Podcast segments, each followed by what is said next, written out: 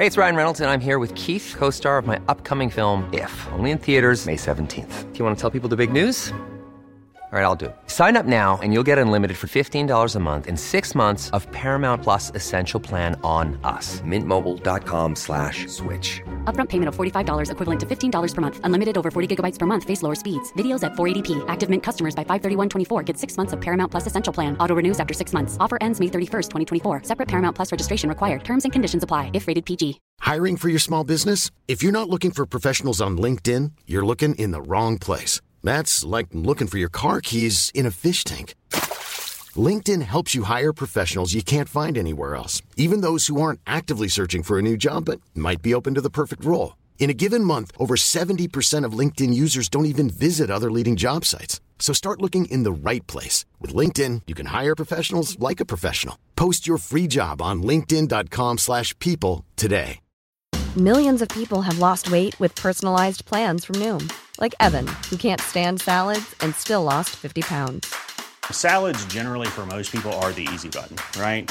For me, that wasn't an option. I never really was a salad guy. That's just not who I am. But Noom worked for me. Get your personalized plan today at Noom.com. Real Noom user compensated to provide their story. In four weeks, the typical Noom user can expect to lose one to two pounds per week. Individual results may vary.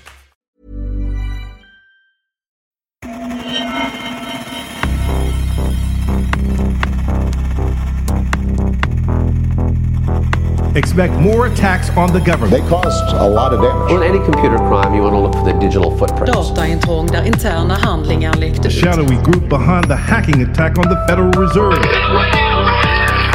breaking into files. Beskriver dataintrången så mycket avancerade. This is just the beginning. We will respond, respond, respond, respond. Nätets mörka sida. Sanna historier om brottslighet på internet. Ti amo betyder jag älskar dig på italienska.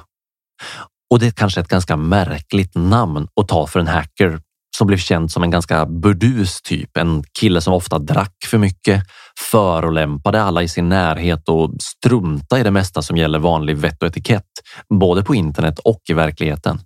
Men så var det. Hans hackernamn betyder jag älskar dig. Tiamo blev tillsammans med Anakata och Brokep en av de fyra dömda vid en stor rättegång som medier över hela världen rapporterade om. Upphovsrättsorganisationer runt hela världen hade rasat i flera år efter syndabockar och nu hade de äntligen fått dem, fyra stycken. Och domen skulle komma att bli hård. Fängelse och mångmiljonbelopp i skadestånd. Tiamos historia tar oss hela vägen från Jönköping till Laos och Thailand. Men vänta nu. Jag sa ju att Tiamo var en av de fyra dömda i rättegången. Vem var den fjärde mannen? Utöver Anakata, Brokeppo och Tiamo. Den fjärde mannen var en helt osannolik figur. En entreprenör, en extremist vars verksamhet visar sig spela en nyckelroll i åtalet mot Anakata, Brokep. Det här är historien om hur en av världens största olagliga webbsidor stängdes ner. Hur de som drev den dömdes både i domstol och i medierna och hur sidan sedan återuppstod igen. Igen och igen och igen. Och sen, sen dog allt. Det här är nätets mörka sida med mig, Marcus Borsklev.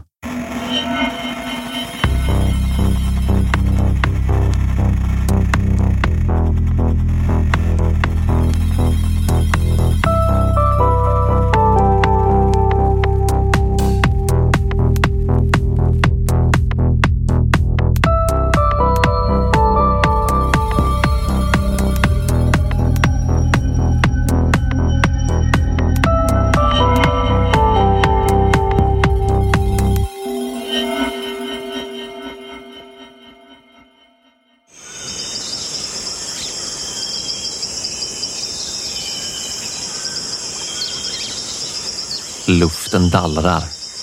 Cikaderna spelar och bara några meter från huset kryper en rejäl varanödla iväg med en liten gnagare mellan tänderna. Vi befinner oss långt ute på landet i Laos i den tropiska hettan i Sydostasien. Här sitter hackaren Tiamo tillsammans med sin laotiska fru och sina vänner och funderar på hur ska han göra när barnet som hans fru bär på ska födas. Det är väl bara att åka in till sjukhuset när det är dags, eller?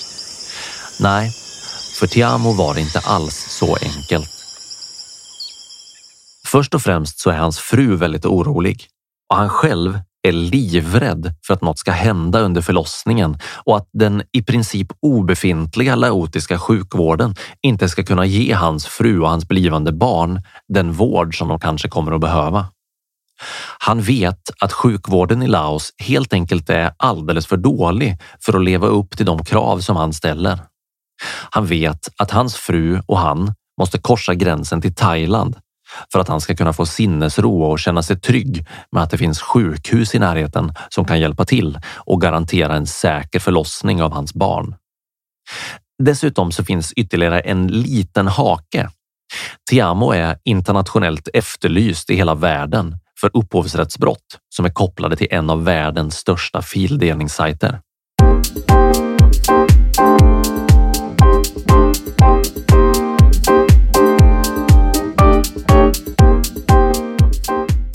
I Laos så är det här ingen större problem. Polisen är ofta genomkorrupt och både enkel och billig att muta om de mot förmodan skulle fundera på att gripa honom. Men det finns knappt några poliser där Tiamo bor med sin fru, långt ifrån myndigheternas insyn. Men i Thailand, där är det en helt annan historia. Här finns det gott om poliser och även om den thailändska polisen också har sin beskärda del av korruption så är de betydligt dyrare att muta och mer benägna än laotiska myndigheter att slå ner på utländska medborgare som befinner sig illegalt i landet. Om polisen i Thailand får tag på Tiamo så är det kört. Och det vet han. Tiamo lyckas hålla sig undan från polisen genom att gömma sig i Laos i fyra år. När Tiamo och hans fru korsade gränsen till Thailand i november 2014 så var det inte första gången som de gjorde det. Nej, tvärtom så hade de rört sig fram och tillbaka mellan Thailand och Laos nästan 30 gånger under fyra års tid utan att stöta på patrull en enda gång. Men den här gången var det annorlunda. Ryktet bland hackers runt om i världen det säger att någon hade tipsat den thailändska polisen om att Tiamo skulle resa in i Thailand och samma rykte säger även att utländska advokater från bland annat amerikanska och holländska juristfirmor hade mutat några polismän för att sätta dit honom och försett dem med bilder och signalement på hur Tiamo såg ut. För en utomstående person så kan deras gränsövergång enkelt ses som en visa run, det vill säga att du korsar gränsen mellan två länder för att kunna förnya ditt visum. Sådana resor görs av miljontals turister vartenda år. Men om du av någon anledning har utnyttjat den berömda thailändska gästfriheten lite för länge och stannat fler dagar i landet än vad ditt visum medger, då löper straffspannet mellan böter för varje extra dag du stannar i landet ända upp till fängelse vid allvarliga förseelser. Och thailändska fängelser, det är inte att leka med, särskilt inte om du är en utlänning.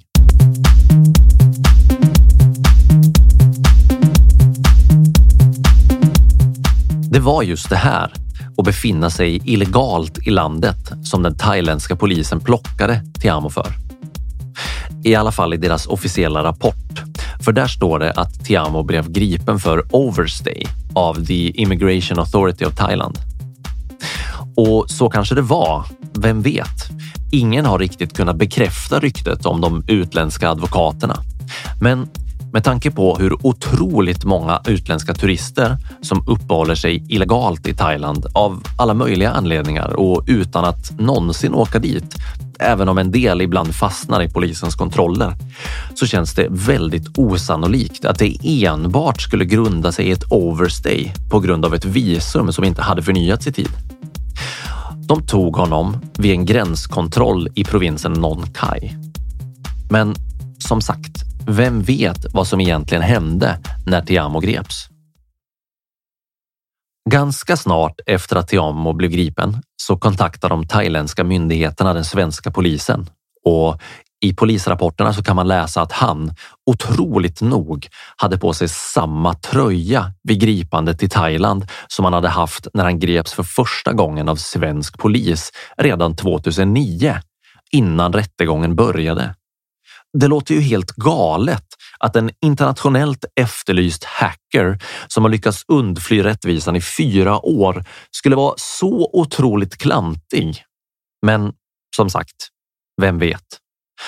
Vid gripandet så hade Tiamo 5 miljoner thailändska bat på ett eh, lokalt thailändskt bankkonto och han stod registrerad som ägare av ett stort hus på den populära turistön Phuket. När Tiamo väl kom tillbaka till Sverige så gick det fort. Han började avtjäna sitt fängelsestraff nästan direkt och även om han aldrig skulle kunna betala de 46 miljonerna i skadestånd som han blev dömd för, så satt han av sin tid i ett svenskt fängelse innan han återvände till sin fru och sin familj i Laos igen. Sen blev det tyst. Tiamo har sedan dess varit i princip bortblåst från allt som har med hackers och olagliga webbsidor att göra och det här hände alltså 2015. Det är nästan omöjligt att hitta information på internet om vad han har sysslat med efter sitt fängelsestraff. Så vi lämnar Tiamo nu och så går vi vidare till något helt annat. Gillar du den här podden? Skulle du vilja höra fler avsnitt? Då vill jag be dig att stödja nätets mörka sida på patreon.com.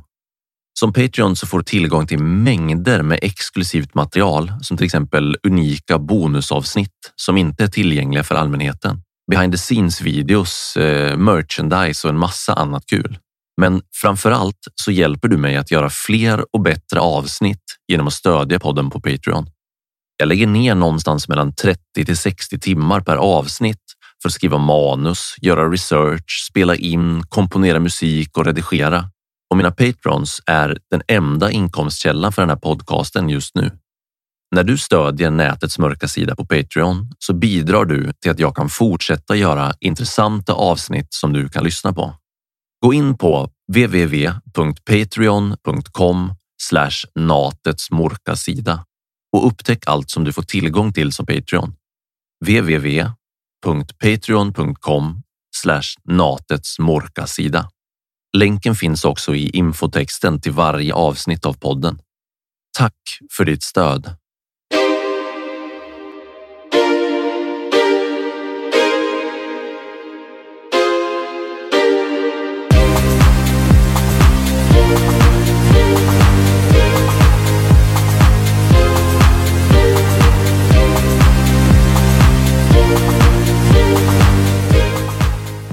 Jag vet vad du gjorde förra sommaren. Eller jag vet i alla fall vad du förmodligen har gjort någon gång under de senaste två decennierna. Och det var inte lagligt. Och du vet dessutom om det här. Du bröt mot lagen och du visste att du gjorde det, men du gjorde det ändå. Från 2001 och framåt så finns det en sak som nästan alla människor som haft tillgång till datorer och internet har pysslat med i någon utsträckning, mer eller mindre. När den här tekniken dök upp så tog den över fullständigt och kom att dominera både privatpersoners och företags internetaktivitet under många år. Jag skulle vilja gå så långt som att säga att det här, det var någonting ubiquitärt. Det var en omnipresens, en allestädes närvaro som människor från nästan alla samhällsskikt och i nästan alla åldrar höll på med. Om inte annat så i andra hand när någon närstående gjorde det. Har du använt en dator någon gång sedan 2001 så har du påverkats antingen direkt eller indirekt av det här, även om du inte har begått några brott själv. Det här var ingenting som några obskyra hackers pysslar med i sina källare. Nej, det här var en storskalig, illegal datarörelse som berörde hela världen, även om det faktiskt var som störst i Europa och USA. Har du kommit på än vad det är som jag pratar om? Det fanns förespråkare som i likhet med argumentation för dagens VPN-tjänster hävdade att det här användes av folk i diktaturer för att dela information i yttrandefrihetens tjänst. Att det på något sätt var en motkraft mot censur och skapade frihet. Men så här i efterhand så kan vi tydligt se att det var total bullshit. Det var mindre än en procent av användarna som gjorde lagliga saker med den här nya tekniken. Vi använde helt enkelt tekniken för att den funkar så otroligt bra. Den var så lättillgänglig. Vi använde tekniken för att den lät oss göra saker som inte vi hade kunnat göra förut och vi älskade det. Vi använde tekniken för att vi kunde få nästan vad som helst. Även saker som hade kostat miljontals kronor att producera helt gratis utan att betala ett enda öre. Vi pratar om en teknik som vi alla använde för att gång på gång bryta mot lagen. Och nästan varenda datoranvändande svensk gjorde det, om inte tusentals så i alla fall hundratals gånger. Och vi visste precis vad vi sysslade med. Vi visste allihop att det vi gjorde var olagligt. Att det i värsta fall kunde ge böter på miljontals kronor och fängelsestraff. Men det sket vi i för det fanns så mycket att vinna på det. Och det fanns ju egentligen inga alternativ. I alla fall inte just då. Och det var ju nästan aldrig någon som åkte dit.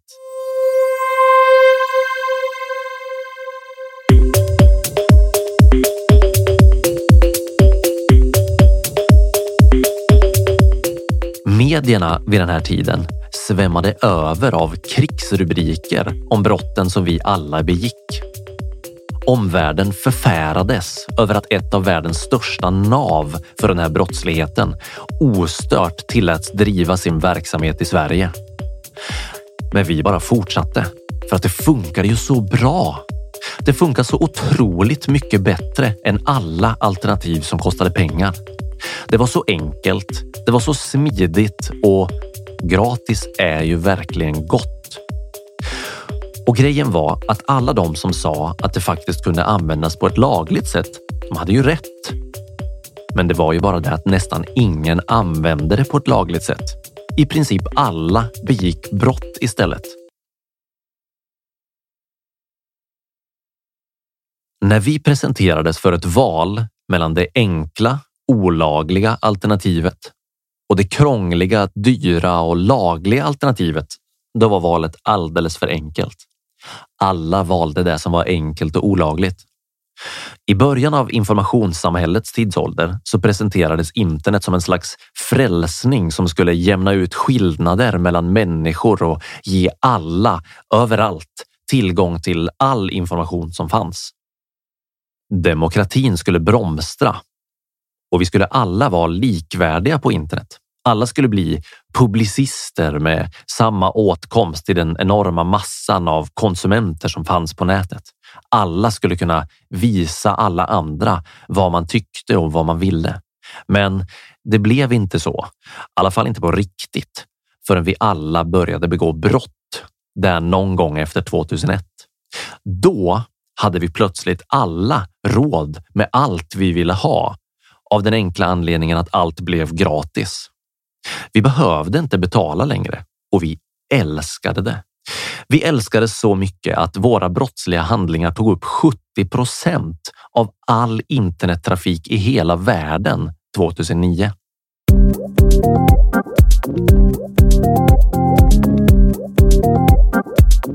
Och grejen var att det åtminstone tillfälligt förändrade maktstrukturen på internet totalt. Istället för att det som nu och som det också var innan vi alla blev brottslingar, är ett fåtal mäktiga aktörer som styr i princip allt på de mest populära internetsidorna. Så var det plötsligt vi själva, konsumenterna, som hade makten. Det var vi som skaffade fram alla grejerna. Det var vi som såg till att det fanns på den olagliga marknaden för alla och en var att skaffa. Och det var vi som bestämde. Men Precis som det brukar bli när allt för mycket bestämmande rätt tillfaller allt för många människor utan något egentligt samarbete eller någon bakomliggande tanke utöver egoism så spårar det här ur totalt och snart var världen tillbaka i gamla gängor igen. Med ett fåtal otroligt mäktiga aktörer som dikterar villkoren för nästan alla andra. Det var helt enkelt en utopi som var förutbestämd att raseras. Och vilket ras det blev!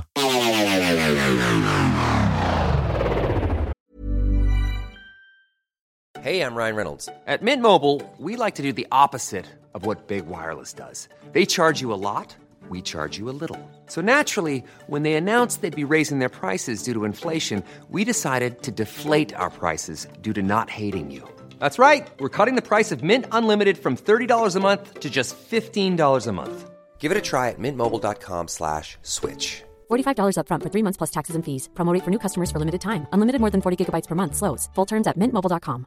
There's never been a faster or easier way to start your weight loss journey than with PlushCare. PlushCare accepts most insurance plans and gives you online access to board-certified physicians who can prescribe FDA-approved weight loss medications like Wigovi and Zepbound for those who qualify. Take charge of your health and speak with a board-certified physician about a weight loss plan that's right for you.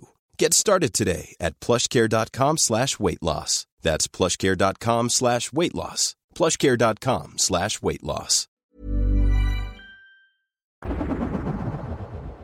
Så här i efterhand så kan jag tycka att en av de roligaste sakerna med den här allomfattande brottsligheten, det var att vi kände oss så trygga när vi begick de här brotten. Vi kände oss helt safe. Vi trodde att vi var onåbara, att vi var helt anonyma och att ingen någonsin skulle få veta att det var just vi som begick de här brotten. Vilket såklart var total bullshit. Om det är någonting som historien har lärt oss sedan informationstekniken gjorde sitt intåg i världen så är det att ingen någonsin är helt anonym. Vad du än gör, hur noga du än är med att dölja det du gör, så kommer det alltid finnas något spår som går att följa om någon vill det tillräckligt mycket. Hur mycket du än krypterar din information, hur mycket VPN du än döljer din IP-adress bakom så kommer du på något sätt gå att spåra. Fråga bara alla som har åkt dit för skumma affärer på Darknet trots VPN-tunnlar och krypterade meddelanden. Och så blev det ju här också. De som utsattes för brotten blev såklart skitsura. Och det var egentligen ingenting konstigt alls. Det vi gjorde var ju att sätta varsin kniv rakt in i deras kassaflöde.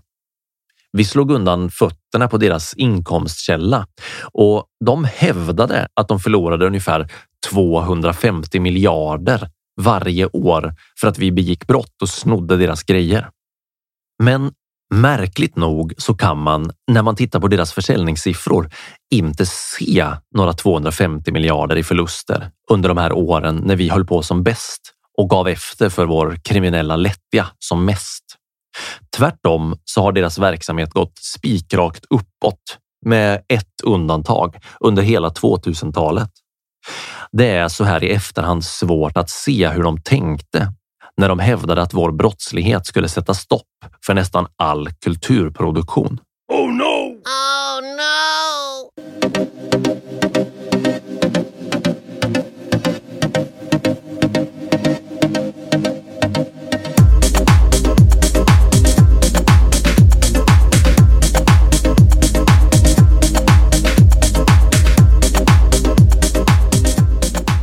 Omkring år 2012 så begick vi som mest brott och sedan dess så har vi blivit mer och mer laglydiga.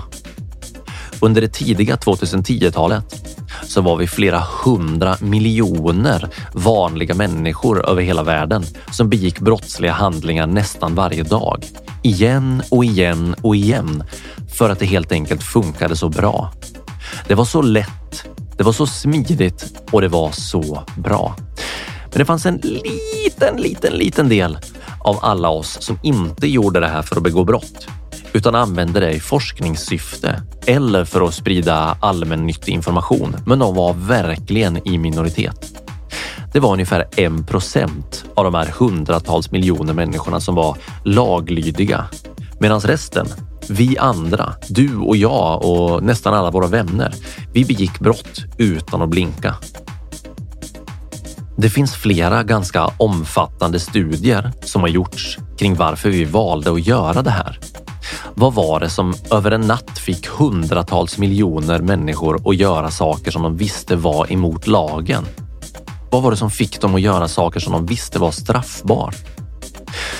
Och alla de här studierna visar samma sak. Vi gjorde det av lättja för att det var så bekvämt helt enkelt. Och det kanske säger någonting om hur vi människor fungerar. Eller vad tycker du? Hur som helst, precis som allt annat så var det väl så att det här ruset av att skaffa gratis grejer utan att be om lov inte kunde vara för evigt. Och det gjorde det inte heller. När de som satt på pengarna i produktionskedjan insåg att folk ville ha bekvämlighet så såg de till att skapa nya tjänster som var lika bekväma som de brottsliga, men lagliga. Och framför allt så var de lönsamma. För en hundralapp så kunde du nu slippa begå brott och sitta tryggt och bekvämt i soffan istället för att oroa dig för om någon hade upptäckt din brottsliga verksamhet. Visst har du kommit på nu vad det är som jag pratar om vid det här laget? Visst vet du vilket brott det här handlar om? Självklart så är det digital fildelning som är brottet. Peer-to-peer nedladdningar, torrents och illegal streaming var kanske ett av de vanligaste brotten i världen under de första 15 åren på 2000-talet.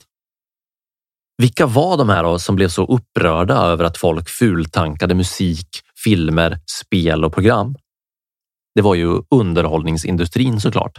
Filmbolag, skivbolag, spelbolag, artister och skådespelare. De rasade mot sina egna tittare och sina egna användare för att de helt enkelt var bekväma och valde att tanka ner saker gratis istället för att betala för sig. Wow! wow.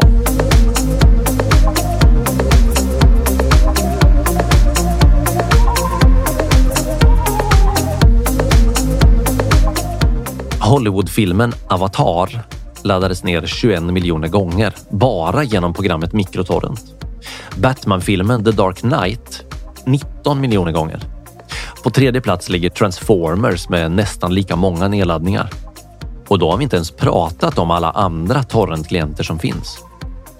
På spelfronten ligger Call of Duty i topp med nästan 5 miljoner nedladdningar av Black Ops. Och majoriteten av alla dessa nedladdningar gjordes med hjälp av BitTorrent-teknik. Men det startade inte med BitTorrent. Det startade tidigare än så med fildelningsprogram som Kazaa och Direct Connect. Men torrents var enklare. Det var smidigare och det var lättare att hitta för folk, helt vanligt folk som ville se på gratis film, lyssna på gratis musik och spela gratis spel. Användandet av BitTorrent blomstrade hos vanligt folk från tidigt 2000-tal fram till ungefär 2012. Sen kom Netflix. Sen kom Spotify och sen kom en lång rad andra streamingtjänster för musik, film och spel. Och då dog den olagliga nedladdningen. Eller i alla fall nästan och i alla fall för vanligt folk. En liten pikant detalj i det här sammanhanget det är att Netflix hade ungefär 180 miljoner användare i mitten av 2020. Och det är ungefär samma antal människor som fultankade filmer under 2012 innan de legala strömningstjänsternas intåg. Spelplanen har alltså vänt och de som förut begick brott och fultankade tv-serier och filmer kollar nu på Netflix istället och betalar snällt sin hundralapp för tjänsten varje månad. Men det finns också undantag. Ungefär 18 miljoner människor fultankar fortfarande innehåll nästan varje dag. De mest nedladdade tv-serierna på senare år det har varit Game of Thrones och The Walking Dead. Om vi tänker efter lite så är inte det här särskilt konstigt alls. Game of Thrones finns inte på Netflix. Det var bara tillgängligt på HBO, en tjänst som från början inte ens fanns att köpa i de flesta av världens länder och som när den kom till Sverige i ärlighetens namn var riktigt, riktigt kass om man ser det ur ett användarperspektiv. Det var långa buffringstider, det var dålig videokvalitet, det laggade, användarinterfacet var jättedåligt och det var fullt med annan skit. Så självklart så var det enkla, lätta valet att fultanka Game of Thrones istället och se det i bra kvalitet istället för att betala för en streamingtjänst som man inte gillade, som var krånglig och av dålig kvalitet. Som sagt, Vi människor väljer nästan alltid den enklaste utvägen.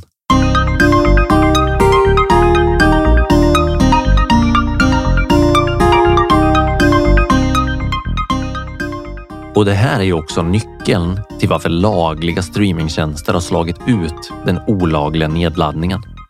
I takt med att utbudet har ökat och användarinterfacen har blivit bättre och streamingtjänsterna så har den illegala fildelningen minskat. En sjukt rolig parentes i sammanhanget är att flera av de stora streamingtjänsterna och sociala medierna använder just BitTorrent-teknik under huven i sina egna program när de ska rulla ut uppdateringar till sina tjänster. Om inte det är ironiskt, så säg. Men vill vi ha en väldigt enkel förklaring till varför den illegala fildelningen håller på att dö så är det nog precis samma anledning till att den en gång blev stor. Nämligen att vi människor, som grupp, alltid tar den enklaste, mest bekväma vägen när vi ställs inför ett val. Och just nu så är den enklaste, mest bekväma vägen att teckna abonnemang på Netflix, Spotify och kanske någon mer streamingtjänst och få tillgång till det mesta som vi vill se på. Det finns tendenser till en motrörelse med fildelning igen. Kanske som en reaktion på att antalet streamingtjänster börjar bli gigantiskt och oöverblickbart och inte minst kostsamt om du ska prenumerera på mängder med olika tjänster samtidigt för att kunna se och lyssna på allt du vill. Det är inte alltid så lätt att hitta det man söker hos en laglig streamingtjänst. Men det är ändå inte många som orkar bemöda sig med torrents längre. Fildelningsdebatten, ja, den är död sedan länge. Och vad värre är, debatten om integritet på internet, om massövervakning och statliga ingrepp i våra digitala liv är också död. Eller åtminstone väldigt mycket mindre eftersom loppet i princip redan är kört med eftertryck. Det som förut var första stoff och väldigt kontroversiellt, det göms nu längst ner på dagordningen när medierna har sina morgonmöten och bestämmer vad som ska finnas med i dagens nyhetsrapportering. Det är ingen som bryr sig längre. Inte ens mediejättarna som förut stämde skiten ur varenda fildelningssajt de hittade så fort de dök upp på internet. Ingen bryr sig om fildelning längre.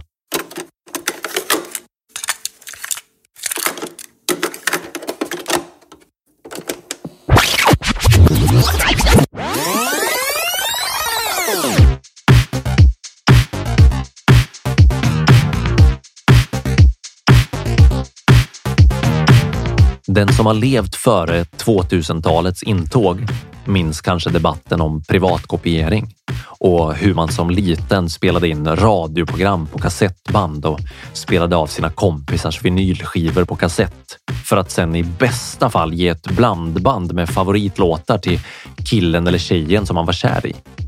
Nu i postfildelningssamhället så betalar vi någon krona per gigabyte lagring på hårddiskar och USB-minnen som vi köper som en slags fildelningsskatt eller kopieringsavgift som det kallas.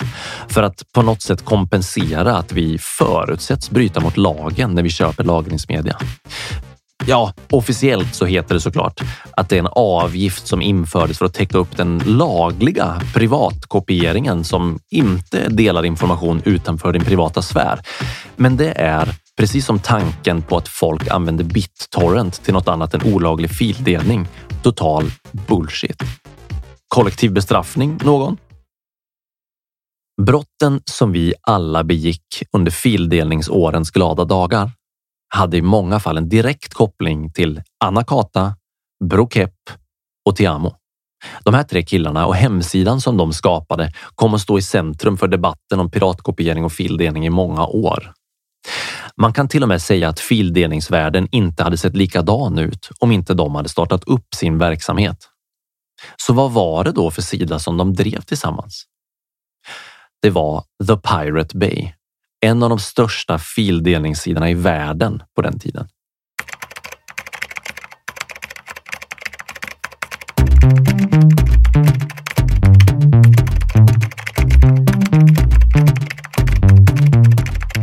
Egentligen så är grundfrågan som hela cirkusen kring The Pirate Bay handlar om ganska enkel och samtidigt riktigt, riktigt svår.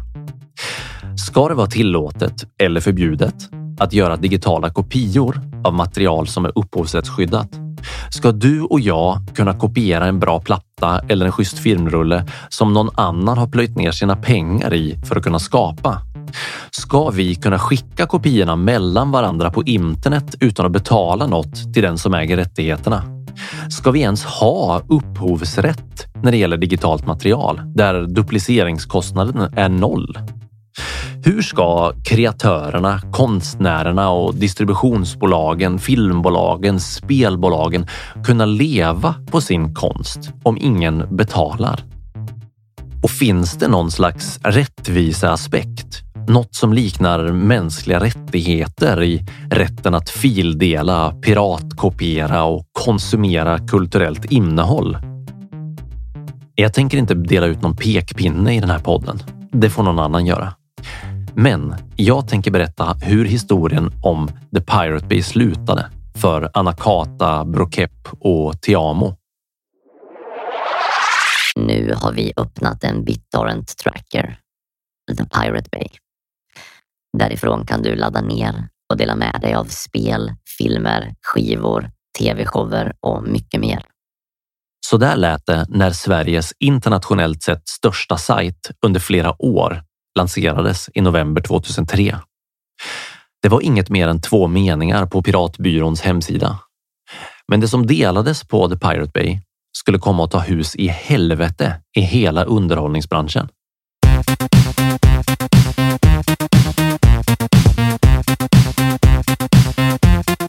Just nu pågår det fyra miljoner piratkopieringar vid en server mitt inne i Göteborg. Den heter Pirate Bay och drivs av Piratbyrån, tre unga killar från Göteborg. Vilka var Piratbyrån då? Piratbyrån bestod av löst sammansatta hackare och internetaktivister som hade en enda sak gemensamt. De ville visa att de var för fildelning, men inte bara det. De ville också ta ställning i offentligheten för olaglig piratkopiering. De ställde sig upp och sa Piratkopiering är en positiv kraft och hur det går för musikindustrin, ja det skiter vi i. The Pirate Bay startade som en liten enkel sida som Anakata drev från en dator i källaren på sitt jobb i Mexico City. Sidan växte och snart tillkom Tiamo och efter ytterligare en tid så klev Brokepp på fildelningståget och just Brokepp kom att bli The Pirate Bays ansikte utåt i offentligheten. Det var han som syntes överallt så fort The Pirate Bay kom på tal. Redan från början så hotade otaliga skiv-, film och spelbolag med miljonviten och stämningar om inte The Pirate Bay la ner och gav upp. Och vanligtvis så funkar den här strategin ganska bra på många fildelningssidor som kanske drevs av små finniga hackers som pinka i brallan när det kom ett hotbrev från en advokatfirma i USA. Men nihilisten Anakata, idealisten Brokep och jag, Tiamo, de brydde sig inte ett skit. De ignorerade alla advokaternas brev totalt. Eller så lät de Anakata spy ur sig lite galla i ett oförskämt svar som de sedan la upp till allas nöje och läsa på The Pirate Bays sida. De var inte ett dugg rädda.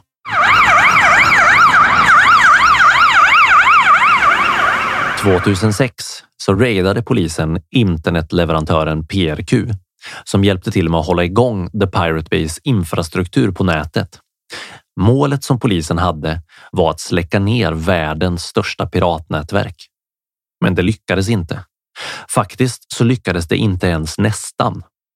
Det tog inte många dagar innan The Pirate Bay hade återuppstått på en annan plats. Och sedan dess har polisen upprepade gånger försökt slå till och stänga ner sidan, men helt utan framgång. Men Anakata, Brokep och Tiamo, de åkte dit rejält.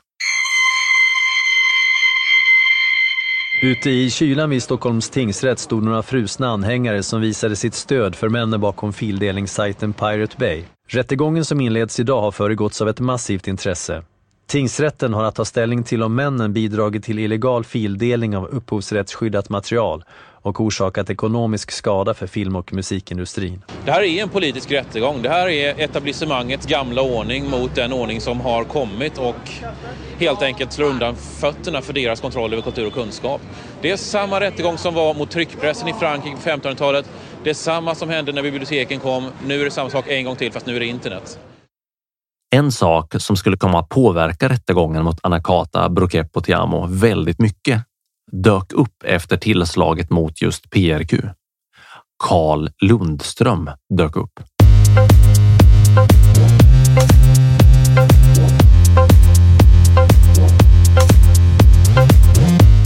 Så här i efterhand så har framförallt Brokepp förnekat att Carl Lundström hade något med The Pirate Bay att göra överhuvudtaget. Men det är kanske inte så konstigt. För om Brokepp var den altruistiska socialisten, en ung hacker på vänsterkanten, så var Carl Lundström hans raka motsats. En gammal räv i entreprenörsbranschen. En högerextremist som hade ärvt hela koncernen Vasabröd en gång i tiden. Sen hade han sålt det, tagit pengarna och blivit mångmiljonär. Och sen spenderade han större delen av sitt vuxna liv med att investera i olika affärsprojekt, men kanske framför allt att stödja allehanda politiska projekt på den yttersta högerkanten. Han var en tvättäkta rasistisk fascist med andra ord.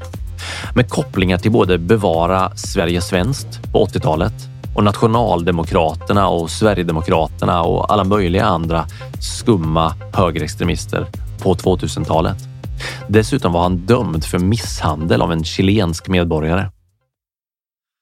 Så hur passar Carl Lundström in i den här historien då? Vilken roll kan en 60-årig högerextremist från Filipstad spela i världens största piratnätverk? Ja, det är en bra fråga. Han är ingen hacker. Han tillhör inte ens samma generation som Anakata Brokep och Tiamo. Men det var genom kopplingen till PRQ och Carl Lundströms eget företag Riksport 80 som hackertrion blev dömda i rättegången kring The Pirate Bay. Där även Lundström själv blev dömd för medhjälp till och förberedelse för brott mot upphovsrättslagen. Straffet blev fyra månaders fängelse efter överklagan och skadestånd på 46 miljoner kronor. Lundströms företag Riksport 80 hade alltså tillhandahållit tekniska tjänster till The Pirate Bay. Och det var bland annat det som åklagaren använde för att vinna målet mot dem alla fyra under rättegången. Det var Carl Lundström som drog med sig Anakata, Brokepp och Tiamo när han föll i rättegången. Jag skulle egentligen kunna göra en hel evighetslång podd bara om alla turer kring rättegången mot The Pirate Bay. Men det har redan gjorts. Kolla till exempel Sveriges Radios utmärkta dokumentärer eller filmen TPB AFK, alltså The Pirate Bay Away from Keyboard, om du vill veta mer. Så vad hände sen? När rättvisan väl hade kommit ikapp alla tre hackarna och deras påstådda gammgubbe till välgörare vad hände när alla hade suttit av sin tid i fängelset och Kronofogden inte kunde utmäta skadestånden hos någon av dem? Det får vi nog aldrig veta. Söker du på Gottfrid Svartholm Varg, som är Anakatas riktiga namn, så hittar du inte mycket utöver några gamla artiklar i DN och SvD, några inlägg på Twitter, en, en kort Wikipedia-sida och lite skvaller på Flashback. Peter Sunde, som Brokepp egentligen heter, finns det lite mer info om. Hans hemsida och hans blogg ligger fortfarande uppe och han dyker upp lite då och då i olika sammanhang där eh, datasäkerhet, personlig integritet på nätet och övervakning diskuteras. Fredrik Nej, som kallar sig för Tiamo på nätet, är nästan omöjlig att hitta info om. Av de tre så är nog han den som har synts minst i offentligheten och spåren efter Tiamo slutar i princip kring 2015 när han kom ut ur fängelset. Ryktet säger att han bor i Laos med sin fru och sin familj och konsultar i IT-frågor för att överleva. Och Carl Lundström, högerextremisten och miljonären som drog med sig hackersarna i fallet, Ja, han drog till Schweiz för att slippa betala ett enda öre till den svenska kronofogden av skulden som nu uppgår till över 80 miljoner kronor.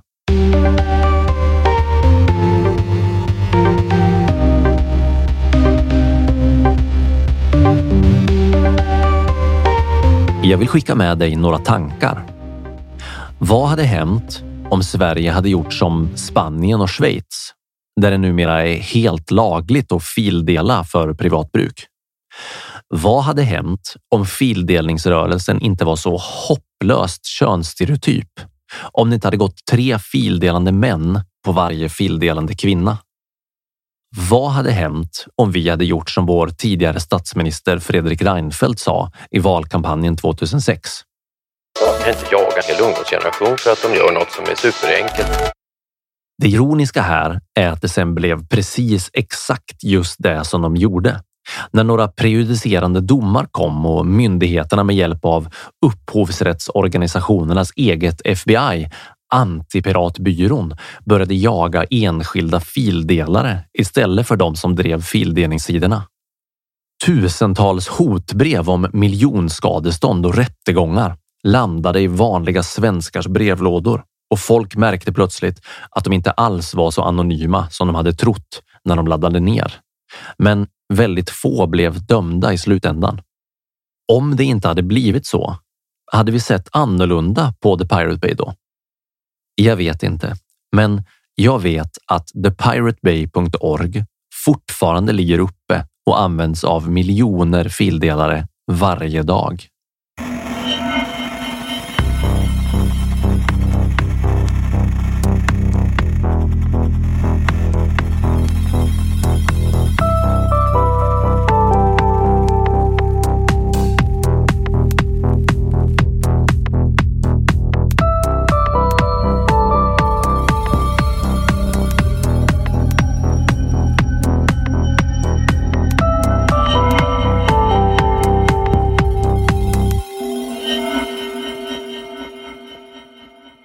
Du har lyssnat på Nätets mörka sida med mig, Marcus Borsklev.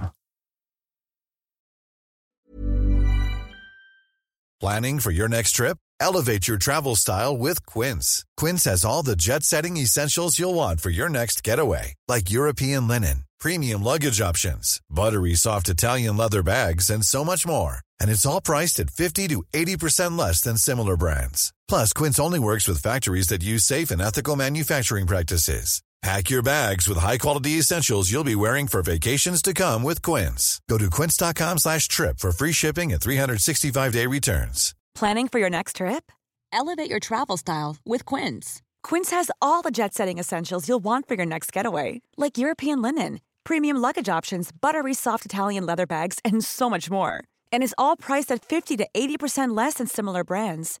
Plus, Quince only works with factories that use safe and ethical manufacturing practices. Pack your bags with high-quality essentials you'll be wearing for vacations to come with Quince. Go to quince.com/pack for free shipping and 365-day returns.